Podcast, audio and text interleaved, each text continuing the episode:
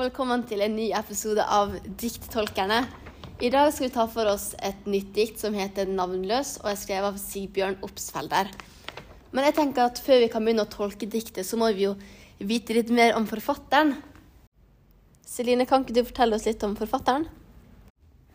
Ja, det kan jeg. Han Sigbjørn Oberstfeller var født 21.11.1866 i Stavanger, og han døde 29.07. i 1900 i København. Og dødsårsaken var da at han døde av tuberkulose. Han ble da 33 år. Gjennom oppveksten så bodde han flere steder i Norge og i Europa. Han studerte filosofi på Universitetet i Kristiania og før han ble forfatter, som han da er kjent for, arbeidet han som stortingsreferent og en, som journalist. Oberstfeller er jo kjent som en norsk forfatter, og han var den fremste representanten vi hadde i Norge for en tidlig modernistisk lyrikk i Norge. Eh, og ja, modernistisk lyrikk kan da være som angst, ensomhet og det å ha, skrive om storbylivet som han gjorde. Og dette er liksom noe som er en rød tråd i diktet hans, som vi da har lest om. Eh, Oberstfeller han debuterte med to dikt i samtiden, eh, som var da eh, i 19, 1892. Eh, og i 1893 ga han ut sin første og eneste diktsamling som var, fikk navnet Diktet. Eh, og i det, den samlinga så var det både dikt som 'Jeg ser', 'Regn' og 'Byen'. Eh, og noen andre verk som han da også er kjent for, er to novellenetter, 'Den røde dråpe' og en prests dagbok. Men Emilie, kan ikke du fortelle oss litt mer hva diktet 'Navnløs' handler om? Ja, det kan jeg. Eh, Handlinga i diktet er at jeg-personen er ute en sein kveld. Eh, han hoster og er sjuk, og skjult mellom trærne ser han ei kvinne, muligens ei prostituert, som han kaller ei skjøge.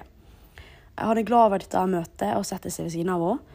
Og så trekker han sløret foran ansiktet hennes til side og knekker sammen i gråt uten at han klarer å fortelle hva som er grunnen. Eh, hun lar han bli, og så tørker hun tårene hans. Og det er hun som da er den navnløse. Det er hun som trøster han.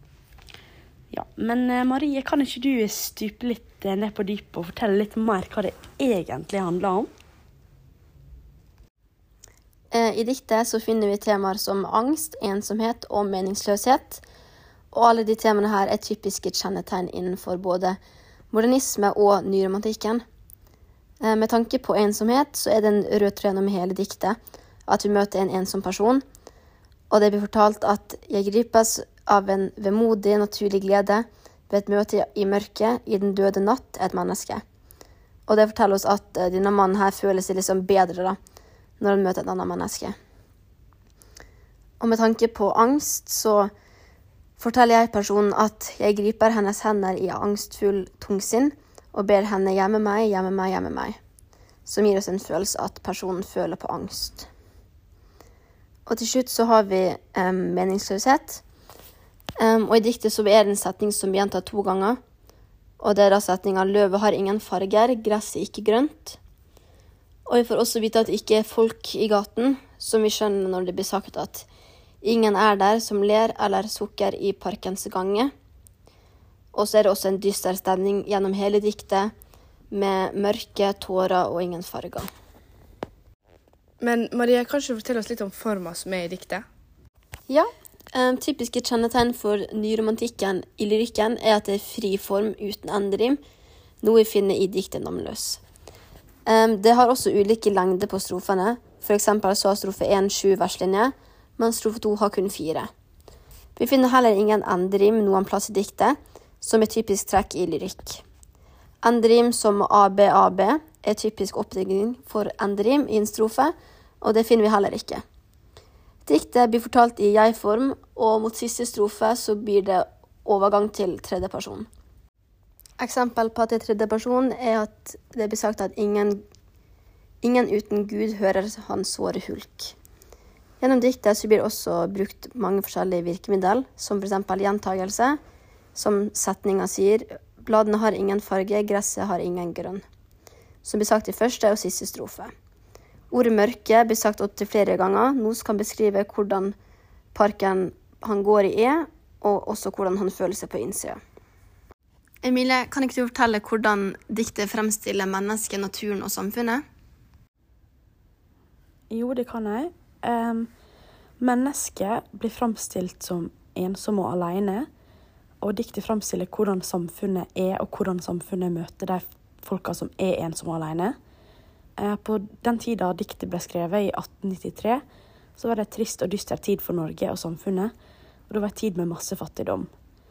Uh, naturen blir framstilt som trist og mørkt, og fargene på treet og gresset er uten farge. Men Lars, kan ikke du fortelle oss litt om hvordan denne teksten kan være relevant i dag? Selvfølgelig kan jeg det. Diktet 'Navnløs' kan være aktuelt i dag på flere måter. Først og fremst beskriver diktet en følelse av ensomhet og fortvilelse, som kan være relevant for mange mennesker i dagens samfunn. Mange føler seg isolert og alene, spesielt i de mørke og kalde månedene vi er inne i nå. Diktet kan også være relevant med tanke på den pågående pandemien vi har vært gjennom hvor mennesker opplever sosial isolasjon og manglende kontakt med andre. Eh, beskrivelsen av å møte et annet menneske i mørket og en følelse av eh, vemodig glede kan også tolkes som en lengsel etter å koble seg til andre mennesker på en dypere måte. Diktets beskrivelse av en nøvnløs person som gjemmer seg og lider i stillhet, kan også være relevant i dagens samfunn, hvor det er mange som sliter med, med mentale helseproblem, og som ikke alltid føler seg hørt eller forstått.